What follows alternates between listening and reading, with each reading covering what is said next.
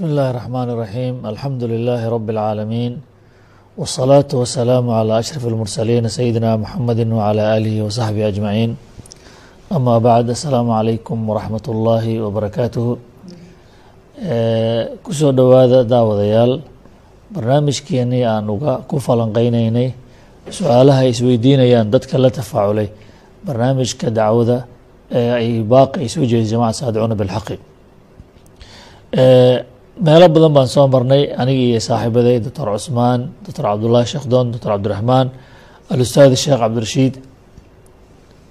Arrimo fara badan oo muhiim ahaa ayaan runtii aan daaha ka rognay aada u soo tilmaanay dacwada aan ka soo hadalnay iyo muxuu ahay waxyaalihii badanaa aan soo falanqeynay ku saabsanaa maaragtay waajibaadka meesha yaallo waa tii runtii aan soo gaarnay.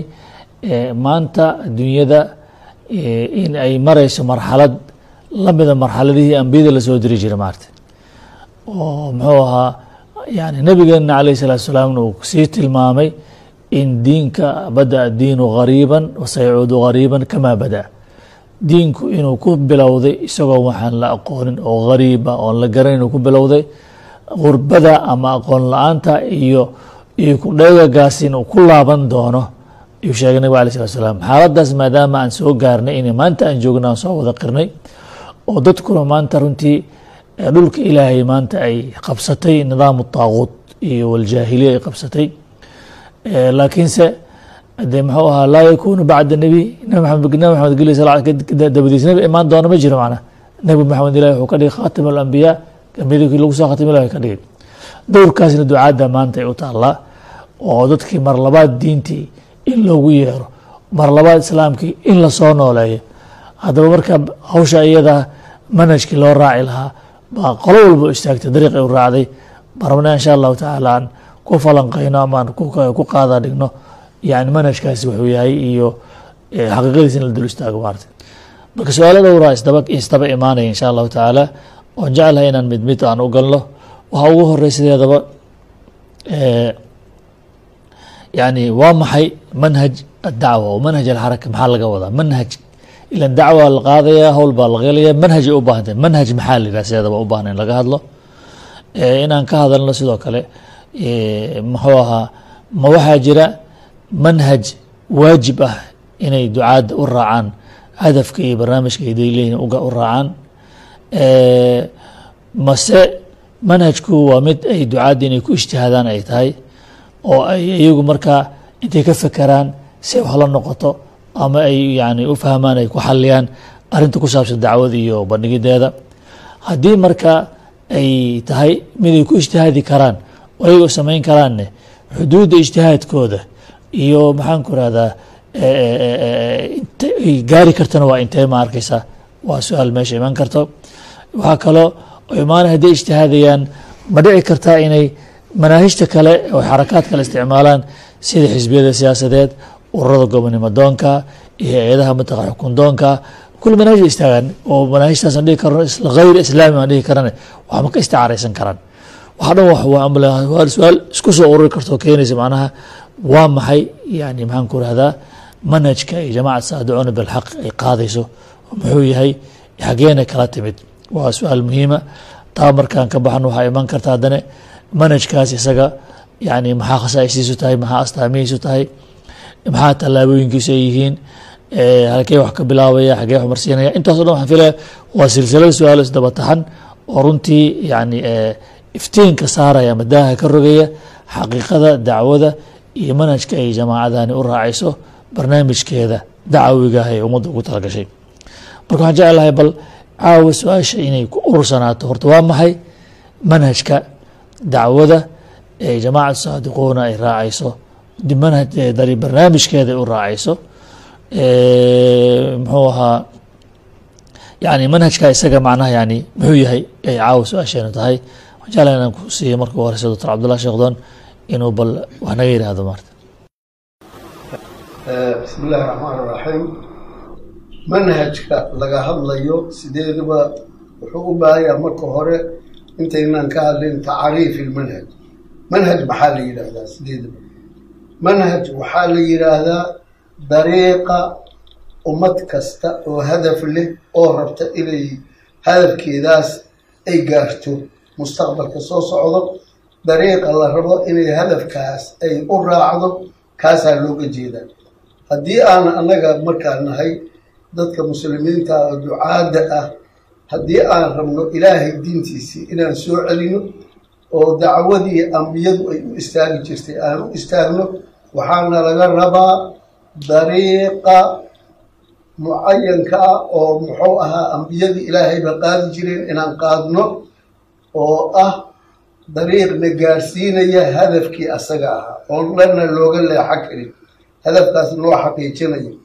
Marka waxaa weeye manhaj markii la leeyahay maxaa la yidhaahdaa waxay noqonaysaa dariiqa ay tahay in ilaahay dacwadiisa xarakada islaamka ay u raacdo si ay u gaarto u xaqiijiso inay diinta ilaahay soo celiso subxaanahu wa tacaala oo ay xaqiijiso yacni dowrkii laga lahaa oo ay u soo baxday ay u qumto marka dariiqaas isaga ah waa dariiqa ambiyadii ilaahay dadka ducaadana oo muxuu ahaa annaga maanta aan ka mid nahay ama asaadicuuna bilxaq ay u istaagtay inay raacdo oo aysan meelna uga leexan ilaa ay hadafkaas isaga ah ay xaqiijiso kaasaa loo jeeda waa mahadsan tahay macnaha xarakada hadaf ay leedahay ujeedday u socotaa inay gaarto.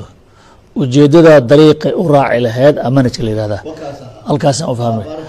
Marka dariiqii loo mari lahaa iyo wasiilooyinka loo adeegsan lahaa iyo qaabka loo fin lahaa manhajka xarakada la yihahdaa marka manhajkaas xarakada saa u yaalla marka haye waxaan rabnaa inay dakaatirada ka hadlaan. Haye manhaj miyaa jira mucayan ah oo layska rabo. Sida cabdullaahi afka waa ku dhuftay laakiin faahfaahin u baahan tahay macnaha bismi illaahi raxmaan raxiim mar haddii ay tahay waxa loo hadfayo ama loo qasdayo diintii allah in la soo celiyo lagu soo celiyo bani aadam ka inxiraafay ama ka fogaaday diintii alleh waxaa khasab ah meeshii inay jirto ka soo baxdo hadaf weyn. Hadafkaasi waa hadaf rabbaani ah. Diintii alle diintan xag alleh ka soo degtay. Manhaj ayaa jira allah subxaanahu wa tacaala ugu talagalay in hadafkaa lagu gaaro oo asaga haddii aan la qaadin dariiqaa aan la marin hadafkii aan la gaarahaynin lagu fashilmahayo ama lagu khasaarahayo hadafka iyo diinta xaqaa'iqda ay ka hadlayso islaamku ka hadlayo ay ugu horeyso xaqiiqati tawxiid xaqaa'iq alcaqiida ay ugu horeyso xaqiiqati alaakhira ay ku xigto xaqaa'iqda islaamku ka hadlayo oo dhan hadaf alla ugu talagalay in lagu jeediyo in dadka loogu bandhigo oo xag alle ka yimid ayaa jira sida xaqaa'iqdaasuba xag alla uga timid. Towxiidku alla aayadaha ka hadlaya ama nusuusta ka hadlaysa xag alla uga soo degtay. Aakhara nusuusta ka hadlaysa xagga alla uga soo degtay. Umuur alcaqiida oo dhan wax nusuusta ka hadlaysa xag alle uga yimaadeen manhaj xag alle ka soo degay oo alla subxaanahu wa tacaala oo noogu caddaynayo in ay tahay diinta marka dadka loo bandhigayo in lagu bandhigo dadka daaci ducaadda ah inay manhajkaa qaadaan ay maraan laasimna ay ku tahay inay manhajkaas qaadaan. Manhajku waa rabbaani xag alle u ka yimid sida caqiidada iyo islaamka muxtawihiisa iyo mawduucaadkiisu ay xag alle uga yimaadeen labaduna ma kala baxayaan labaduna ma kala qiimo yara aad u mahadsan tahay macnaa halkaas waxaad jartay baan filayaa. Marka manhajku waa sharci waa rabbaani rabbi kenu ijtihaad ma laha. Maxaa u daliila marka? Waxaa u daliila marka aan fiirino dacwat alambiyaa ambiyadii iyo rusushii dacwadii ay qaadeen. Waxaa oo qur'aanku se uga qisooday aan akhrino aayaadka aan akhrino waxaa noo soo baxaya inay khad waaxida hal khad ay mareen. Hal dariiq inay mareen. Hal wada inay mareen. Taasoo ah yacni maadaama ay iyagu ka soo dhex baxeen oo alla ka soo dhex saaray ummado towxiidkii ka wareeray khadkii ka dhacay alla u shariig yeelay ugu shariig yeelay xagga ictiqaadka ugu shariig yeelay xagga itibaaca iyo daacada iyo maaragtay waxa weeye dawaaqiid caabuday oo raacay oo maaragtay waxaa weeye alla subxaanahu watacaala ka fogaaday. Maadaama ay alla ka soo dhex saaray hal khad inay mareen oo ay maaragtay waxa weye hal dariiq mareen. Taasoo ah inay ka bilaabeen nuqdada ugu horeyso dacwadooda ay ka bilaabeen inay ahayd caqiidadii iyo towxiidkii inay u bandhigaan ummadahoodii ay ku yidhaahdaan icbudullaaha maa lakum min ilaahin hayruh alla caabuda ilaah la caabudo oon alla ahayn ma jire e alla caabuda iyo inay uga digaan aakhare iyo cadaabka aliimka oo ama ku dhacaya aakharo ama adduunka ku dhacaya inii akhaafu calaykum cadaaba yowmin cadiim.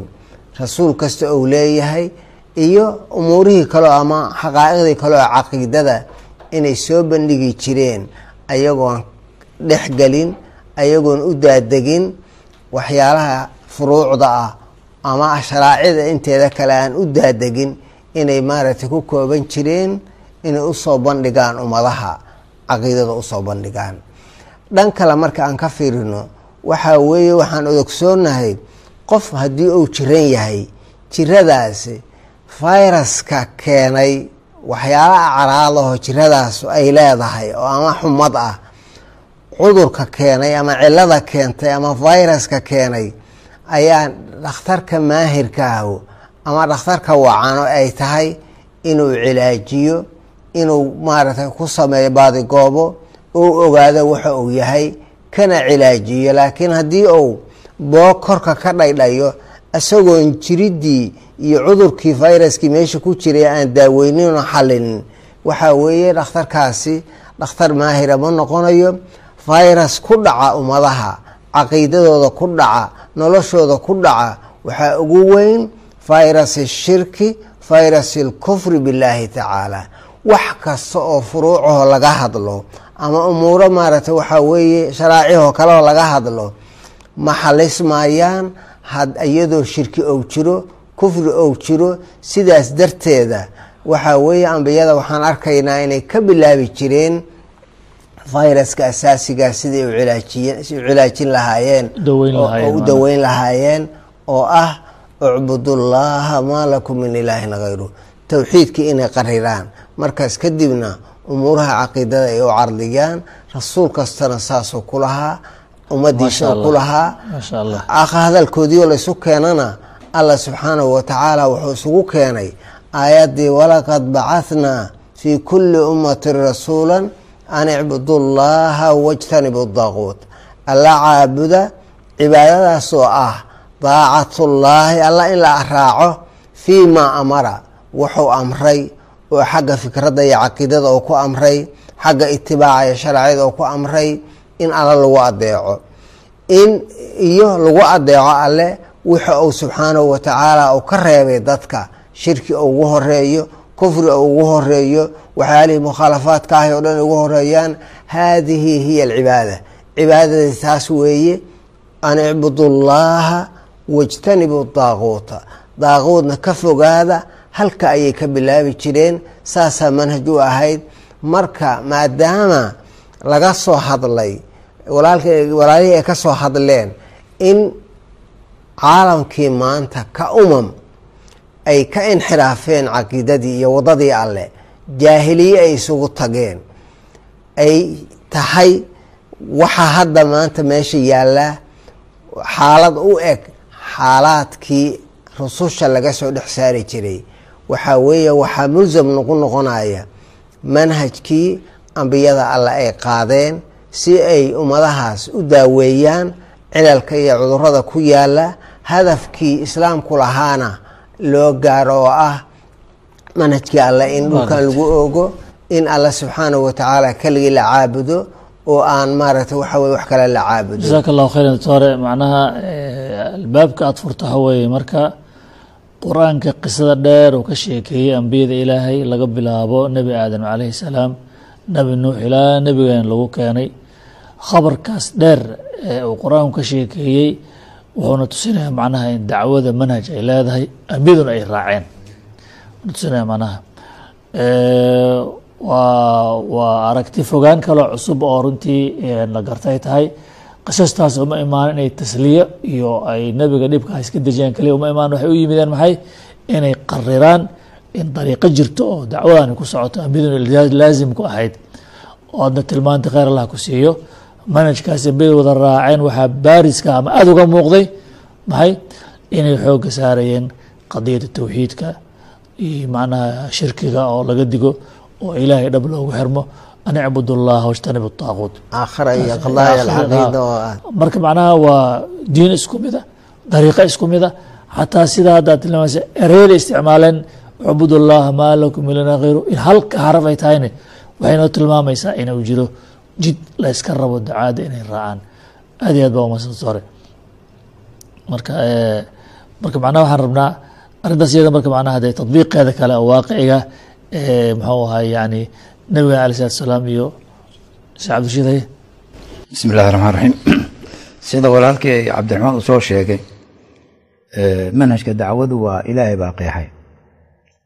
Waxaana uu ku caddeeyey macnaha sida maanta uu soo sheegay doctoorka rususha ilaahay hal tun bay qaadeen. Xataa macnaha cibaarada ay adeegsanayeen mid bay ahayd. Aqwaamtii macnaha loo soo dirin sidoo kaleenta mowqif macnaha waxay ka istaageen oo ah yani mucaad iyo mucaarad inay macnaha ka hor yimaadeen. Marka arrintaas iyada ilaahi subxaana wa tacaala oo caliimu lkhabiir maarata waxaa weye uma u sameynin juzaafan laakiin waxaa waa manhaj ilahi oo ugu talagalay ambiyada inay raacaan dhammaantood. Ilaahi subxaana wa tacaala isagoo rasuulkiisa la hadlayo fii suurati alacnaam wuxuu ka soo sheekeeyey sideed iyo toban rasuul oo rasuul ka horreeyey oo tubtaas soo qaaday oo laga soo bilaabo watilka xujatuna aataynaha ibraahim calaa qowmi narfacu darajaati man nashaa ina rabbaka xakiimun maase ilahi wuxuu ku soo gunaanaday ulaaika aladiina hadaahum allah ulaaika aladiina hada allah fabihudaahum iqtadi kuwaas oo dhan tubta ay soo raaceen yani tubtaasaa adiga lagaa rabaa oo ilaahi subxaana wa uu ku leeyahay kuwaas macnaha maarata hidaayadii iyo tubta ay raaceen. Raba maxamed nabiga calayhi salatu wasalam idan marka waxaa weye waa macnaha waa mutabic walaysa mubtadic aayadka ilahi wuxuu ku leeyahay ma kuntu manaa bidca min qul maa kuntu bidca min arusul ma adri maa yufcal mihi macnaha mid mataqaana la yimid wax cusub oo rususha la imaan. Marka waxaa aada meesha ooga muuqda in macnaha manhajkaas uu yahay manhaj ilaahay uu soo dejiyey. Sida caqiidada uu noogu soo dejiyey. Manhajkii macnaha lagu xaqiijin lahaa ilaahay diintiisa iyo macnaha waxaa weye oo macnaha islaamka hadafka uu leeyahay macnaha adduunyadu keliya waxaa weye in ilaahay mamlakadiisa boqortooyadiisa ee adduunkan macnaha maarata waxaa weye ay timaado.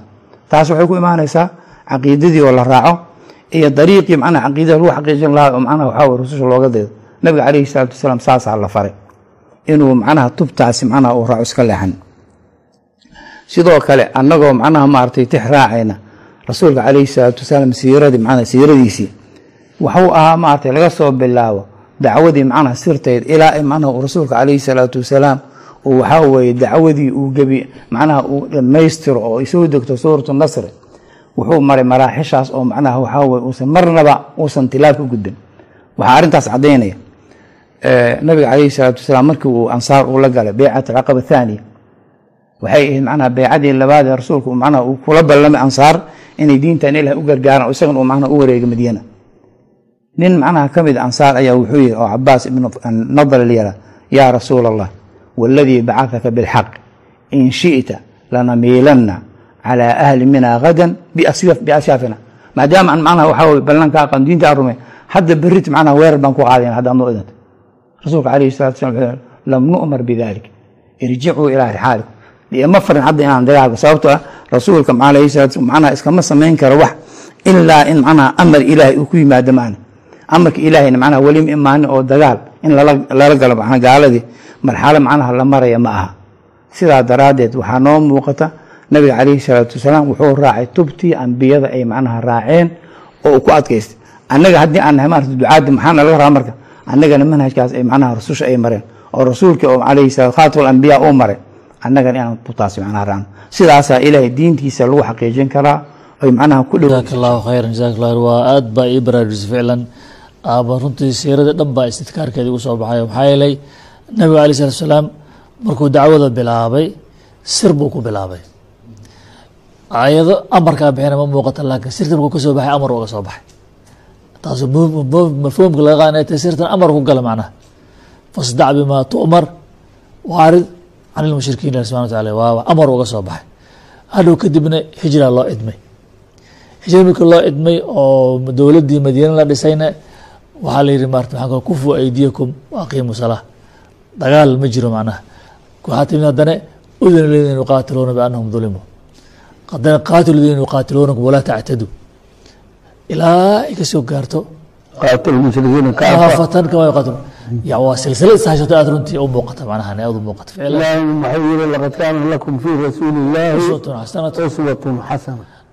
Waxaa kaloo xasuusanaya hadda aayad kaleeto macnaha oo muxuu ahay ilahi ilahi subxana watacaala nebiga la- lagu baraarujinayo sidaada mogtahay mucaaradada iyo ka horimaadka iyo diidmada taagna waxaa leeyahy faima nadhabana bika fainaa minhum muntaqimuun. Oo nuriyanaka aladii wacadnaahum fainaa calayhim muqtadiruun. Hoo adiga kuu taalla maha haddaan ku qaadano kuwaana kufrigooda ku jiro annaga ka aarsan doona macnaha inaan ku tusno waxaa u karna waa awoodnaa ilahi subxana wa laakiin maxaa lagaa rabaa? Fastamsik biاladii uuxiya ilayka inaka calى siraaطi mustaqiim inahu ladikrun laka waliqowmika wasufa tusaluun sidoo kale rasuulka calayhi salaatu wasalaam waxaa looga digay inuu samcanaha tubta mataqaanaa gaalada ay ugu yeerayaan inuusan marnaba milicsanin hadduu milicsado waxaa ka dhacaya mataqaana ilaahi subxaana wa wuxuu leeyahy cadaab oo laba jibaar ayaan ku cadaabayna cid macnaha kaleento oo kuu gagaaraysana ma fii suurati israa wain kaaduu layaftinuunaka can aladii awxaynaa ilayk لتفتري علينا غيره وإذا لاتخذوك خليلا. walowlaa an habatnaaka laqad kidta tarkan ishan haddii aan kusuga laqad kidta tarkan ishan idan la adaqnaaka dicf alxayaa haddii aad wax yar macna yeelan lahayd yani ilahay wuxuu le mataqaanaa yani cadaab macnaha oo labajibaar ayaan kugu qaban lahayd macnaha rasuulkii baa saas loo hadidaya wax yar meesha ma ogtahay waxa rasuulka lagula ka tagaayo gaalada u soo jiidaysay caqiidadii iyo diintii weyneed ma aha Waxa lagu haystay waxay aheeday tala ay soo jeediyeen xagga manhajka ah oo aheeday bal nimankan maaragtay fuqarada ah oo adiga ku ajiibay lama fariisan karnay odayaashayna maaragtay waaweyn xoogaa maaragtay mansil gooni noo yeel oo rasuulka xataa damac ka gasho is yiri kuwaan haddii xoogaa si gooni ayagoo loo ixtiraamo waxyaalo badan oo loo looga madax salaaxo ama ay diinta meeshaas xoog u keenta odayaashaas qureish hadday raacaan ay markiiba diinta ay fidayso. Rajaa ka gashay. Laakiin maadaama habkii ilaahay ugu talagalay subxaanahu wa tacaala xaqaa'iqda inaan qofna looga mujaamalin kanaa madax kanaa maaragtay hooseeya aan la dhihin qofkii qaatana inuu yahay qofka la cisaynayo qofkii qaado waayana madax kasta uu yahay wax qiimaa ilahay agtiisa inuusan ka lahayn oo si gooni aan loo maamuusin maadaama manhajka ilaahay ay saas tahay ayaa taladaas yaroo ay soo jeedeen damac ka galay ama ay diinta ku fidaa oo dacwada ciyaw ku fidaa ayaa loogu diiday. Saa darteeda ducaadda marar qaarkeed hadday istusaan waxyaalo qaarkeed oo is yirahdeen maslaxa amay ku jirtaa oo laakiin sidii ilaahay ugu talagalay ayan ahayn dhibka uu imaano rasuulka waxaa goodi oo dhan wuxuu ugu dhacaya maaha shirki kale iyo gaalnimo iyo wuxuu soo jeediyeen inuu ka ye- loo diidayo inuu ka yeelaba waxay aheeday wax dacwada iyo hababka loo adeegsanaya iyo habka wax lagu fidinaya dadka looga sheegaya hab ku saabsan bay ahayd. Saa darteeda marka meeshaas waxaa ka cad waxyaalaha ku tacalluqo xagga habka xataa dacwada loo adeegsanaya iyo qaabka loo bandhigaya iyo dadka qaabka loo qaabilaya xataa iyadaa laftikeeda in yar inaan loo ogoleen in laga leexdo habkii ilaahay ugu talagalay. Waxyaalaha eh, eh, manhajku uu sidiisa tarkiiska saarayo. Fii maraaxilihi اluulaa maraaxishiisa hore. Xooga saarayo waa caqiidada. Nabiga calayhi salaatu wasalaam markii maka la joogay waxaa alla yidhi aayadaha qur'aanka ayuu ictimaadayay ayuu maaragtay waxa weye dacwo ah qur'aanka waxaa la yidhi wajaahidhum bihi. Qur'aanka kula jihaad qur'aanka kula jihaadaya aayadihii caqiidada iyo towxiidka ka hadlayay waxaa ka a bismi illaahi raxmaan iraxiim qul inamaa ana basharu mislukum yuuxaa ilaya anamaa ilaahukum ilaahu waaxid faاstaqiimuu ilayhi wastakfiruuhu waweylu lilmushrikiin waxaan ahay bashar adinka idinka mid ah keliya idin dheer in la ii waxyoonayo xag alle laiga waxyoonayo waxa la ii waxyoonayana waxaa weeye annamaa ilaahukum ilaahun waaxid ilaahaynu waa mid waaxida oo alla ah fastaqiimuu ilayhi wastakfiruuhu isu toosiya alle. Ku toosa. Waddadiisa. keliga ilaah ka dhigta.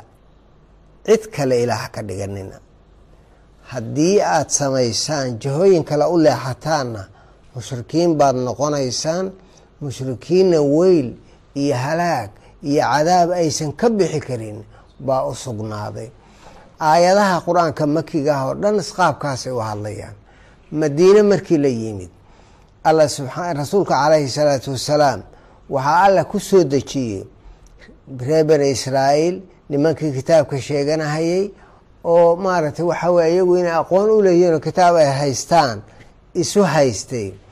Waxaa alla yidhi rasuulkiisa ku yidhi waxaad ku tiraahdaa qul tacaalo yaa ahla alkitaabi tacaalow ilaa kalimatin sawaa'in baynana wa baynakum anlaa nacbuda ila allah walaa nushrika bihi shay-an walaa yattakhida bacduna bacdan arbaaba min duuni illahi ree ahlu kitaabow yahuudiya nasaaroy kaalaya aan isugu nimaadno ilaa kalimatin sawaa'in baynana kelimad annaga iyo adinka noo dhexa oo annagu aanaan lahayn idinku aydnaan lahayn allah xaggiisa ka timid oo ah anlaa nacbuda ila allah alla maahee wax kale inaana caabudin.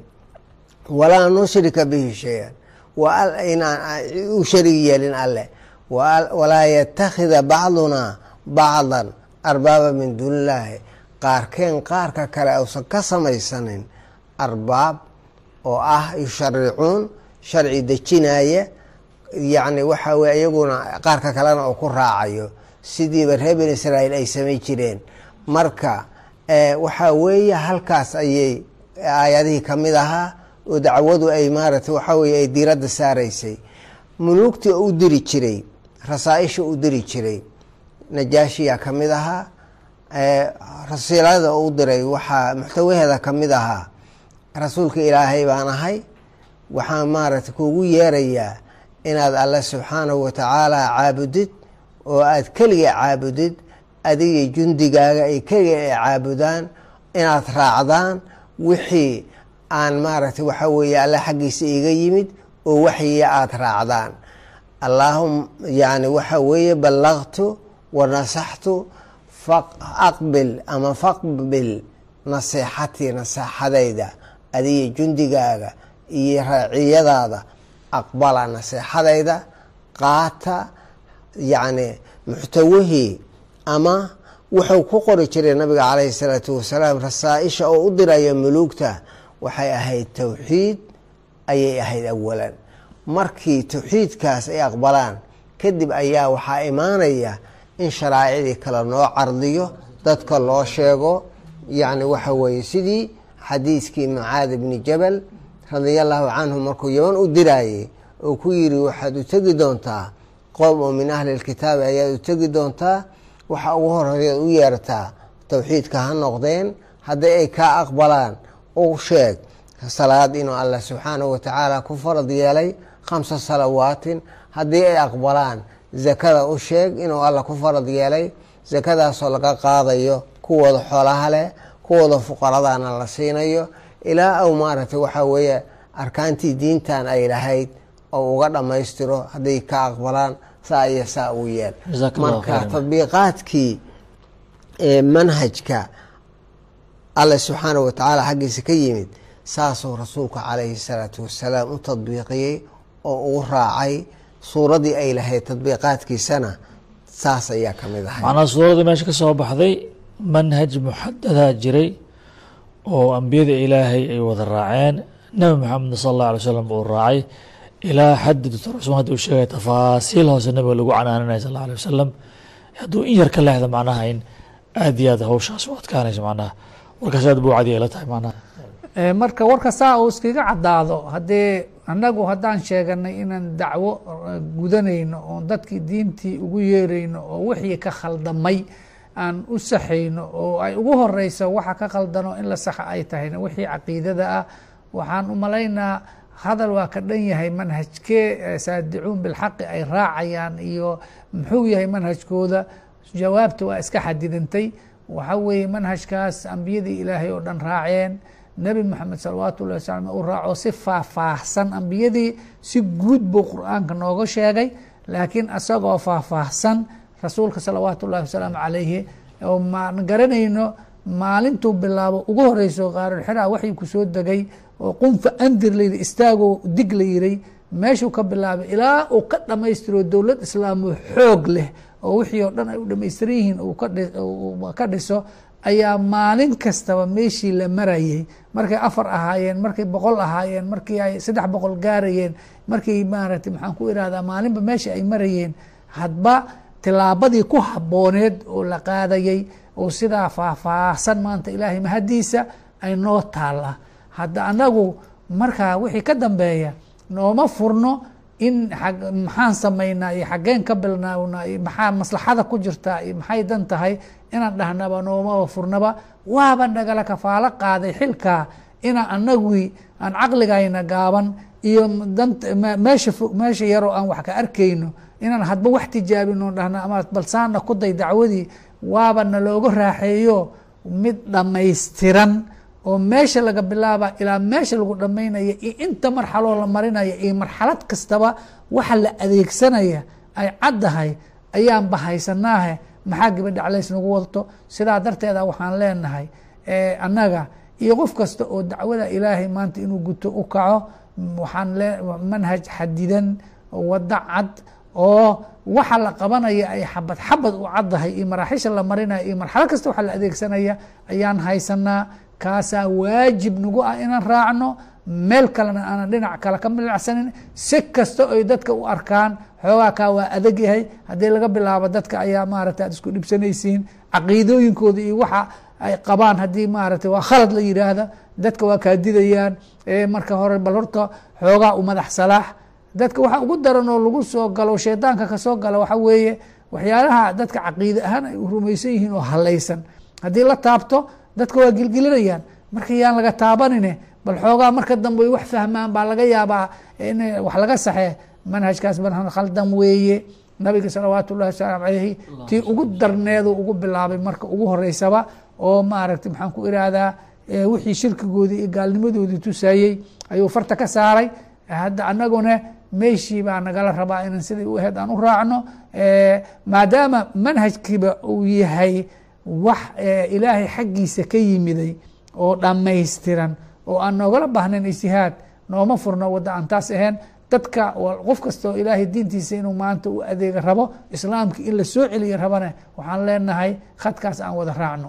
Jazaaka allahu khayran doctor cusmaan runtii si fiican uu u faahfaahiyey.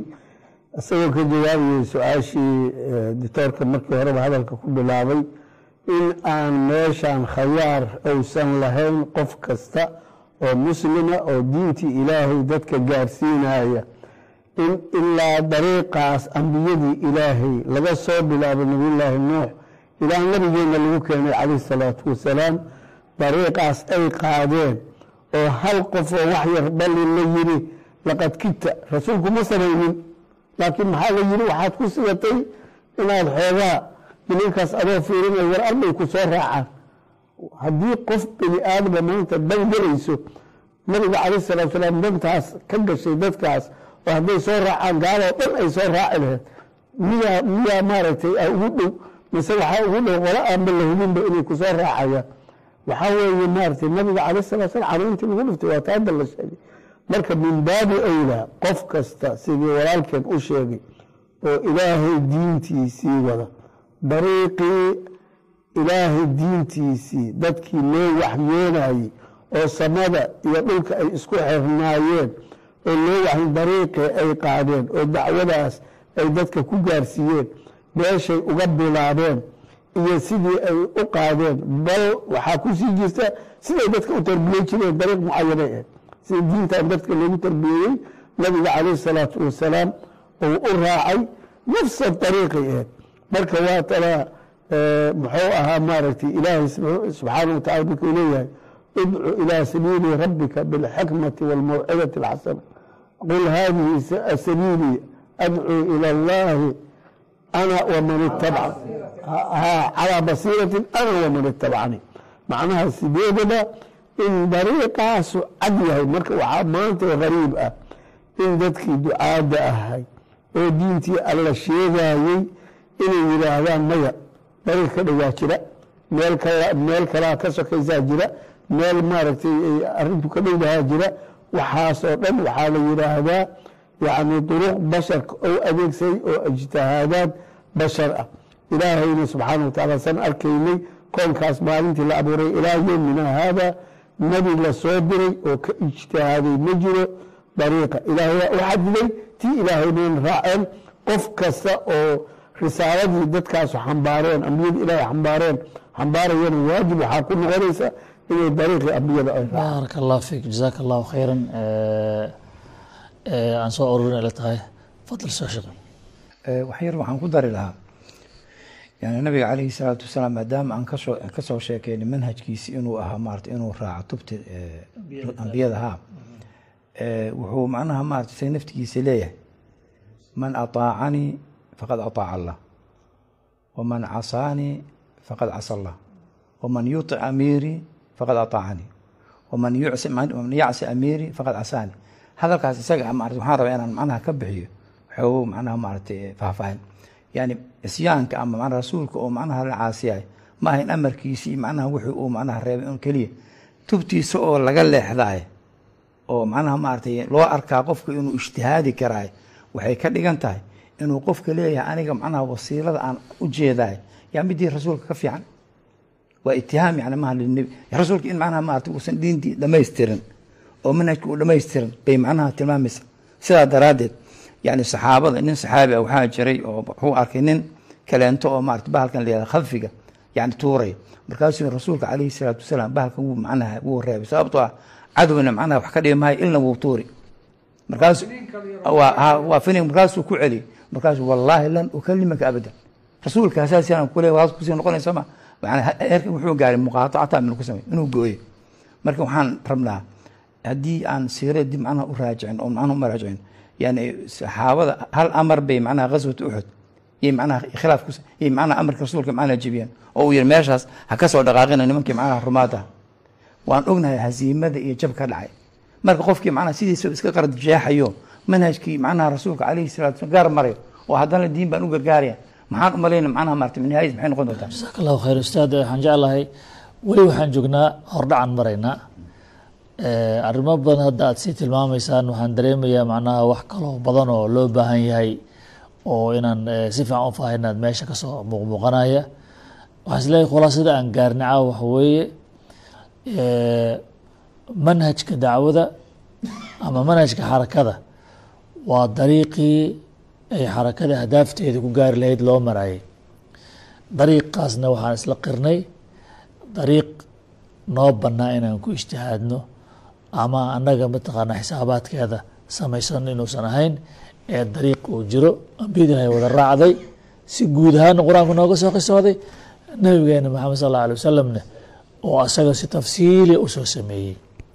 Halka waxaan kala baxnay marka dacwada manhajkeeda habqan ma aha saasay la noqotay ma aha maxaa soo yeeray maxaan ka dhahnaa ma aha waxbaa ficil baa dhae radulficil aan ka samayna ma aha istraatiijiyad iyo dariiqad iyo maxaan ku rahdaa hab degsanaa jiro oo meel ka bilaabanayo meelo sii maraayo nihaayo gaari doona ujeedo kama dambaysta gaari doona. Nabiguna uu yihi haadihi sabiilii adcuu ila اllahi calىa basiiratin ana waman itabacnii taas horta runtii aada uga soo baxday meesha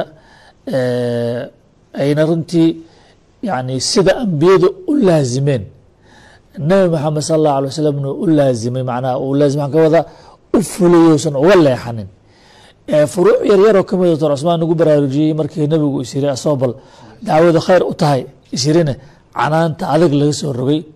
Halka waxaa meesha ka muuqdo marka in jid la rabo in la maro waajib ay tahay meesha ka muuqdo oo ducaadana ay ku yihiin yani waajib ku ah oo marka waxaa kaloo meesha ka muuqato sida dacwadan ilan mogta dacwadan waa dacwa ila allah. Waa mabaadida doctor cabdiraxmaan da sharaxaya maarata mabaadi'daasi si ilaah xaggiisa uga timid baa dariiqii dadka lagu gaarsiin lahaana alla xaggiisa ka timid.